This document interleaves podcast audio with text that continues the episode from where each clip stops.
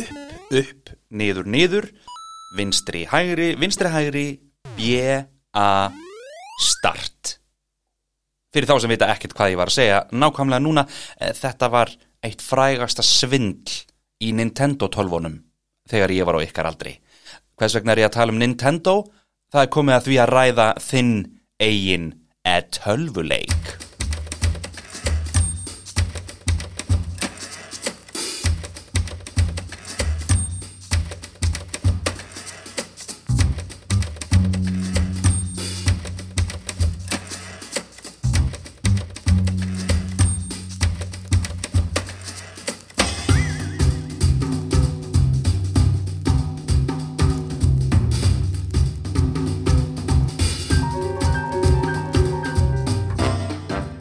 Aftan á bókakápu stendur bók sem virkar eins og tölvuleikur því þú ræður hvað gerist. Þinn eigin tölvuleikur er bók, bara öðruvísi en aðrar bækur. Hér ert þú söguhetjan og ræður ferðinni. Þú sogast inn í stór hættulegan tölvuleik og til að komast aftur heim þarf það berjast við uppvakninga hér, sleppa frá mannætu plöntum, leysa óleysanlega ráðgátu, temja drega og vinna landsleik í fótbolta.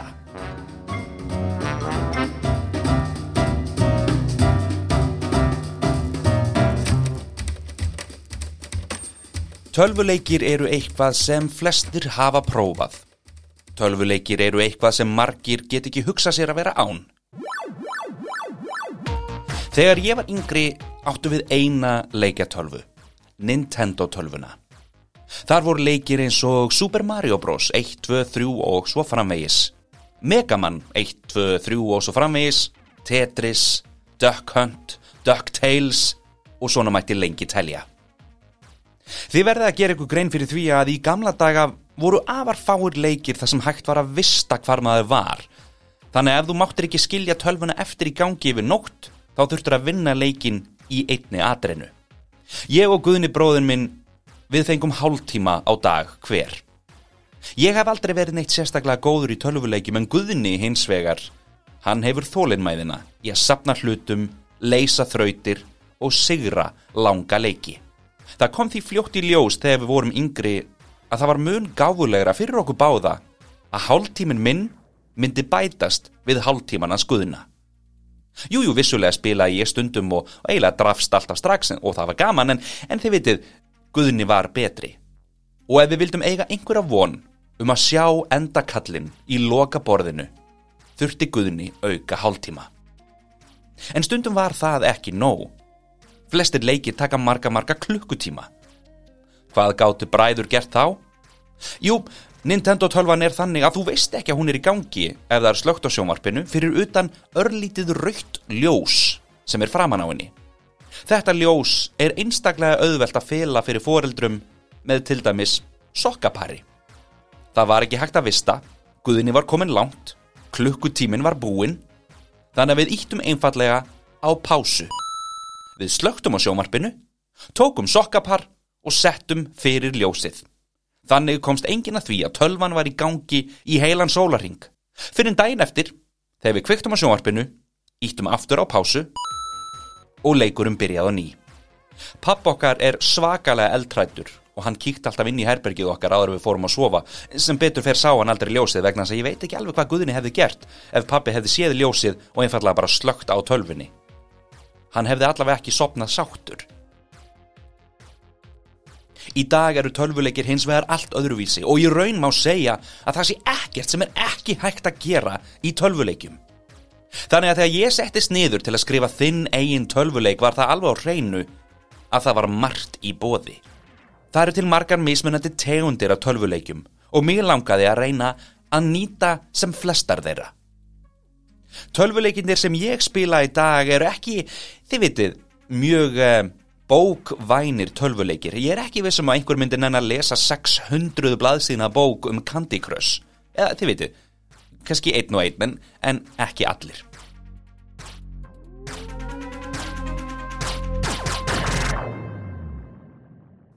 Ég hugsaði með mér.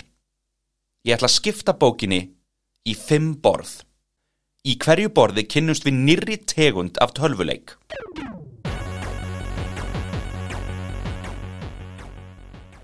Ég las mér til um hvað væru vinstælistu tölvuleikinnir spurði krakka hvað þau voru að spila og smám saman var komin mynda á þetta allt saman. Eitt af borðunum í bókinni er þið svokalla Mario Bros borð. Þið veitir, fyrir okkur, fyrir okkur fullóna fólkið. Það borð myndi heita hopp og skopp. Þar myndur þau hoppa og skoppa. Annað borð er þið svokallað ráðgátu borð þar svo getur lappað út um allt, fyktað í öllu, potað í allt, sapnað hlutum og leist þrautir. Þannig leikir heita point and click leikir eða benda og íta eða benda og klikka leikir. Og voru mjög vinsælir þegar ég var úlingur. Annað borð átt að vera eins konar blanda af tölvuleikjónum Fortnite og Warcraft. Ævintýra heimur þar sem þú gast gert nánast hvað sem er með hvaða vopni sem er, gast litið út nákvæmlega eins og þig langaði til að líti út og myndi bjóða upp á svakalegt ævintýri með miklum látum og öðrum spilurum. Prinsessuborð var hugmynd sem ég fekk líka og ég hugsaði með mér það hljómar eins og eitthvað sem gæti verið mjög áhugavert en þegar þú spilar það kemur fljótlegi ljós að hér er eitthvað hræðilegt í gangi. Rollveikjuleikir eru mjög vinsælir. Flestir að sjálfsögðu bannaðir innan 16 ára og við ætlum ekki að tala meir um þá, en þið veitir, þeir eru mjög vinsælir. Og síðast en ekki síst, einn vinsælasti leikur allara, allara, allara tíma, FIFA, fótboltaleikur. Og þar lendi ég svo sannarlega í vesenni.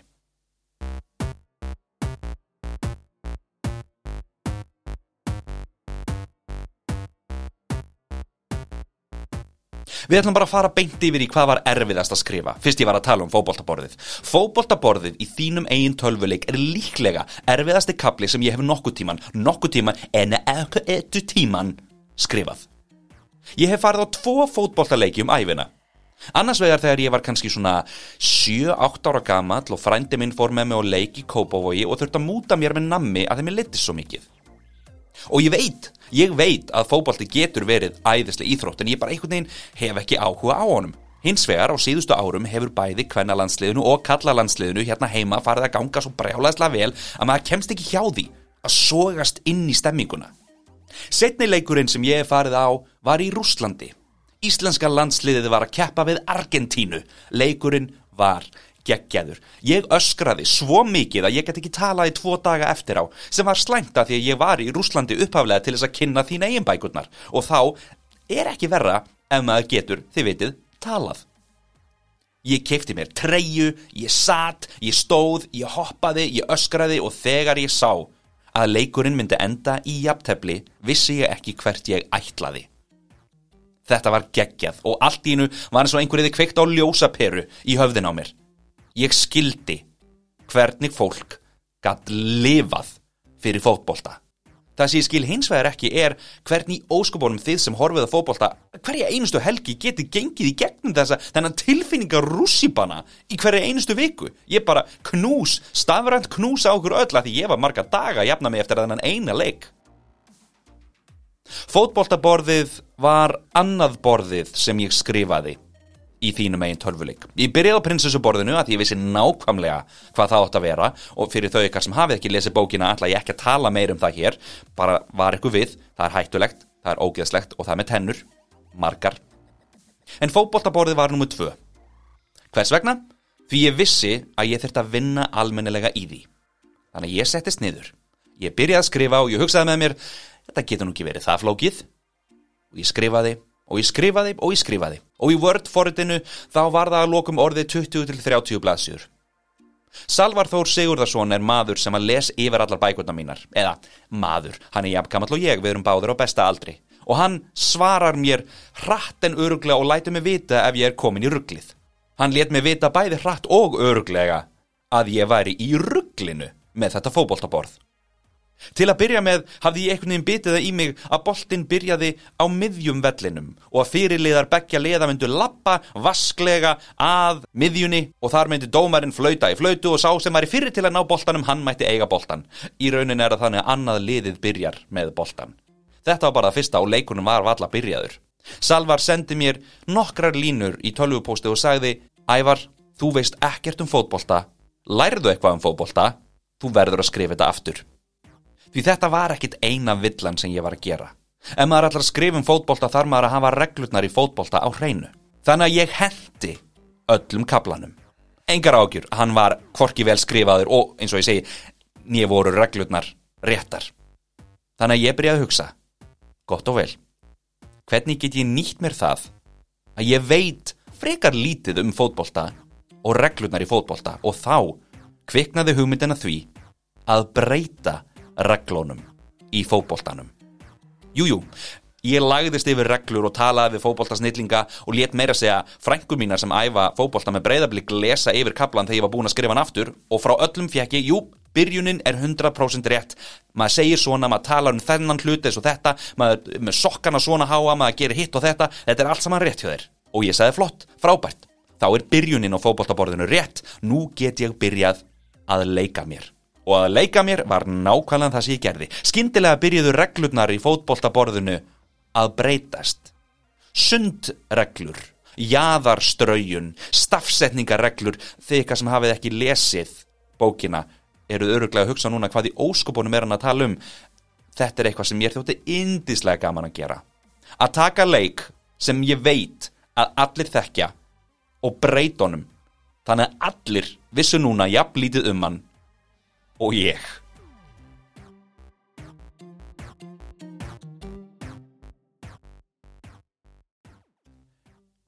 Ráðgátuborðið eða bendiborðið eins og það er kallað í bókinni er byggt á Agatha Christie. Agatha Christie var höfundur sem skrifaði ráðgátu bækur og var klárari enn flestir. Mér langaði að gera kabla sem væri flókin og myndi fá mann til þess að hugsa svo litið. Þetta var sákabli sem mér þótti auðveldast að skrifa vegna þess að mér finnst eitthvað ótrúlega skemmtilegt við það að skrifa fólk sem heitir sör eða lafði eða herra eða frú. Ég veit ekki hvaða er en um leiðum að það er búin að setja þetta fyrir framan nafnið á fólki þá verður það einhvern veginn pínu tilgerðalegra og um leið pínu skemmtilegra að skrifa það.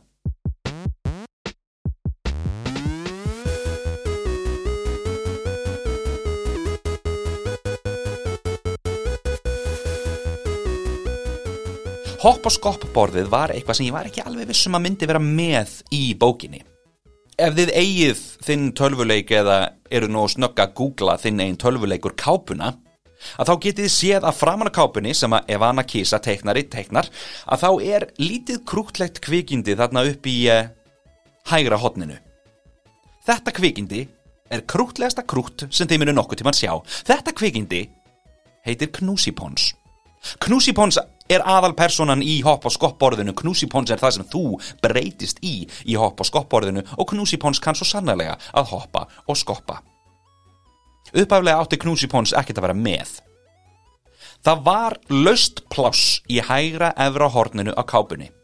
Og ef ég man það rétt og ég held ég gera það að þá sendi ég skilabóð á Evönu og sagði við hana um, getur þú sett eitthvað sem er eins og pínulítið eins og Pokémon en ég veit samt ekki alveg hvað, hvað á að vera. Hún sagði já og svo skömmu setna fekk ég tilbaka þetta krútlega krút og ég var í eldhúsinu heima, ég man þetta mjög vel. Ég var að elda, síminn titraði myndin af þessu krúti blasti við og ég horfi á það í tvær sekundur og hugsaði einhverja hlutavegna þessi heitir Knúsipons og áður en ég vissi af var heil heimur fullar af namnam blómum og abarössum búin að fæðast í höfðun á mér. Það var satt best að segja ekki pláss í þessari þykku, þykku bók fyrir enn eitt borðið en ég bara gat ekki slefti að skrifa um knúsipons og hopp og skoppborðið. Og sem betur fyrr, þið ykkar sem hafi lesið stuttubækurnar vitið að knúsipons fekk sína eigin bók núna í haust, þannig ef þið viljið sjá hvernig abarassar til dæmis líta út, þá mæli með að kíkja á þá bók. Það er eitt borð enn í þínu megin tölvureik sem ég á ennþá eftir að minnast á. Það er lokaborðið.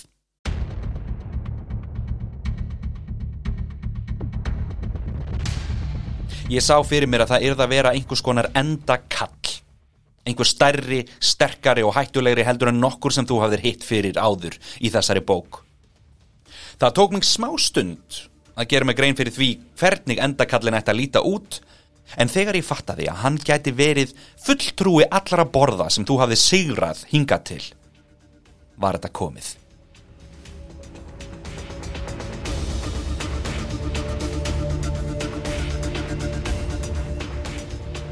Og þá er komið að ykkar eigin spurningum.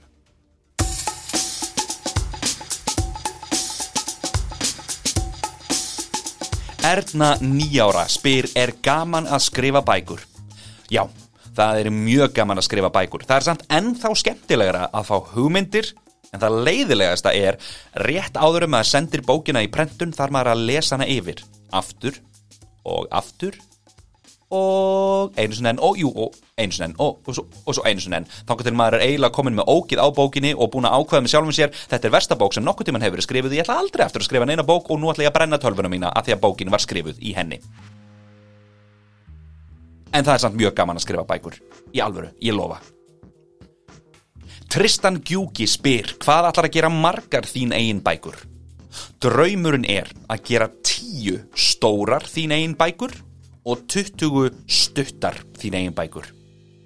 Kanski verða þær fleiri, kanski verða þær færri en þetta er planið nákvæmlega núna. Stefán spyr, getur skrifað bók sem heitir Þín eigin framtíð? Það er reyndar góð hugmynd, það er mjög góð hugmynd, kæri Stefán. Uh, á meðan þú býður eftir að ég skrifi þá bók, þá mæli ég með að kíkja á þitt eigið tímaferðalag að því að þar heimsækjum við framtíðina. Stefan Orris stingur líka upp á annari bók sem heitir Þín eigin geimferð. Mjög góð hugmynd. Arnei Marja 12 ára sendir hér langan post sem er góður. Hér stendur, hæ Ævar, ég hef með tvær spurningar fyrir þig. Ég hef lesið allar bækurnaðinnar. Takk fyrir það. Og þú ert aðalpersonan í benskubregum Ævars vísendamanns en það sem ég var að pæla er hvort þú hafið sett þig inn í personu eða gert þig að personu í þín eigin bókunum. Þetta er mjög góð spurning, ég held ég hef aldrei nokkuð tíman fengið þessa spurningu. Hef ég sett sjálfa mig einhvern veginn inn í þín eigin bækunar? Ekki ennþá, en kannski einhvern tíman, þinn eigin höfundur. En svo má vissulega færa rauk fyrir því að það eru ángar af mér í öllum personum bókarinnar. Ég er náttúrulega að býða á til. Þannig að þegar þú ert að lesa um einstaklega óþólandi personu, þá er það bara svolítið bara ég að vera einstaklega óþólandi.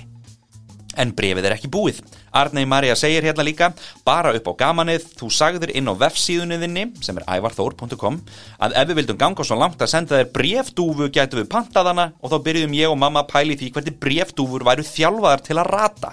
Við reyndum að googla það en fundum það ekki, þannig að þú gætir kannski reynd að finna það. Þetta er mjög góð pæling.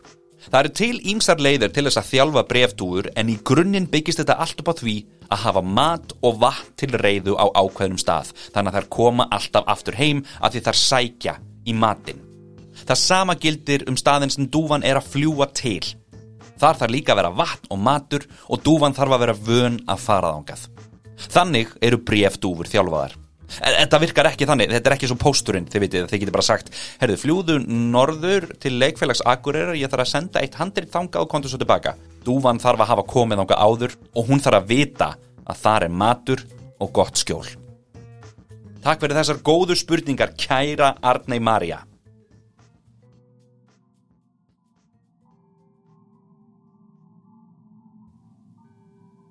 Og þá er komið að upplestri úr þínum eigin undirdjúpum.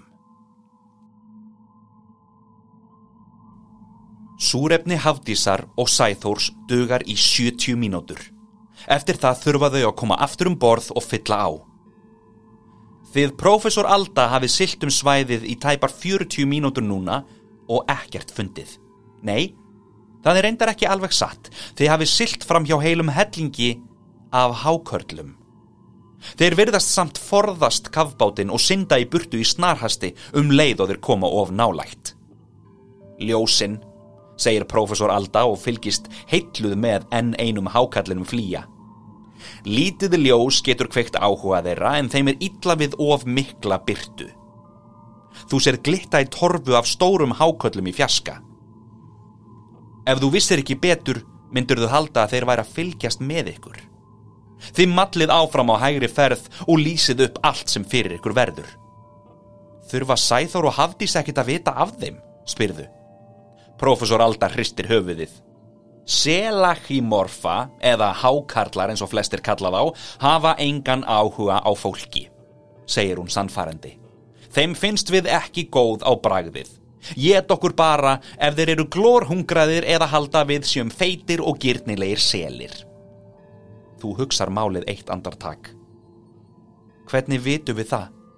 Hmm, spyr profesorinn annars hugar. Hvernig vitum við að þeim finnst við ekki góð og bragðið? Hver ákvað það bara? Profesor Alda hugsar sig um stuttastund og bandar þér svo frá með annari hendinni. Las það í bók og svo neytar hún að tala meir um þetta. Þér stendur ekki á sama. Þú grýpur um hljóðnumann og byrjar að kalla á vinið þína. Bara til öryggis. Súrefnið fer hvort þið er að klárast því þurfið að finna þau bráðum. Uh, Sæþór, Hafdís, uh, vinsamlegast svarið. Við höfum ekki fundið neitt. Hvern er staðan ykkar megin? Þú lítur út um glerkúpulinn. Fleiri hákarlar sveima um. Takið eftir því að hákarlar er á sveimi en það er þó verðt að taka fram að prófessor Alda lofar að ef þeir slýsast til að geta ykkur munir þeir ekki gera það með glöðu geði. Þér finnst þetta fyndið. Þú sérð á svip prófessorsins að hún er afar ósamála. Þú ræskir þig. All allavega, eru þið þarna? Ekkert svar. Halló, prófaru aftur. Hvar eru þið? Ekkert svar. Þú lítur á öldu. Hvað gerum við? spyrðu. Hún stimplar eitthvað inn í stjórnkerfið og prófar svo sjálfa að kalla á félaga sína. Ekkert svar. Alda hugsar málið og trítlar svo á stað í áttina að stýrinu. Settu allt í botn, segir hún ákveðin. Ég stýri. Þú hallar þér yfir stjórnborðið og byrði undir að auka hraðan þegar rödd ómar skindilega í talstöðvarkerfinu. Þú þekkir rómin um leið. Hjálp! veinar Sæþór. SOS, neyðar! Hjálp! Þú rýfur í hljóðnumann. Hvar ertu Sæþór? Spyrðu óðamála. Er allt í lægi? Hvar er Hafdís? Sæþór svarar móður. Hafdís, hér, hún, illa farin. Þú lítur á profesor Öldu sem stendur náföl við stýrið. Hvað gerðist, spyrðu? Hákallar, svarar Sæþór. Ótrúlega og svangir. Þeir náðu, hafði sig, byttu gatt, súræfnis kutinennar. Ég náðu að fæla það bort og veit ekki hvernig. Hvar ertu? Grýpuru frammi fyrir honum. Ég, ég sé okkur. Másar Sæþór. Þarna, þarna eru þið. Þú hleypur að glerkúplinum og horfir út. Þið siglið í kannski tíu metra hæð frá sjávarbotninum og öll ljós eru kveikt. Þarna, gargar profesor Alda og bendir og hún hefur rétt fyrir sér. Á sjávarbotninum kannski um hundra metra fyrir framann ykkur serðu Sæþór koma arkandi í áttinað ykkur. Hann fer hægt yfir og dregur hafdís og eftir sér. Stöðugur loftbólu ströymur flæðir frá henni. Við komum! Kallaru hljóðnumann um leið og profesor Alda tekur í stýrið og beinir því að botninum. Vertu þar sem þú ert og... Þú þagnar í miðri setningu. Út úr myrkrinu koma hákarlar, syndandi úr öllum áttum. Kæru vinir, þættinum er að ljúka. Takk fyrir að hlusta. Ef þið viljið senda spurningar inn í þáttin getið þið farið inn á ævarþór.com og þetta er alþjóðlega stafsendingin a-e-v-a-r-t-h-o-r.com og send mér skilabóð þaðan. Við heyrumst í næsta þætti. Farið vel með ykkur og eh, lesið eitthvað skemmtilegt.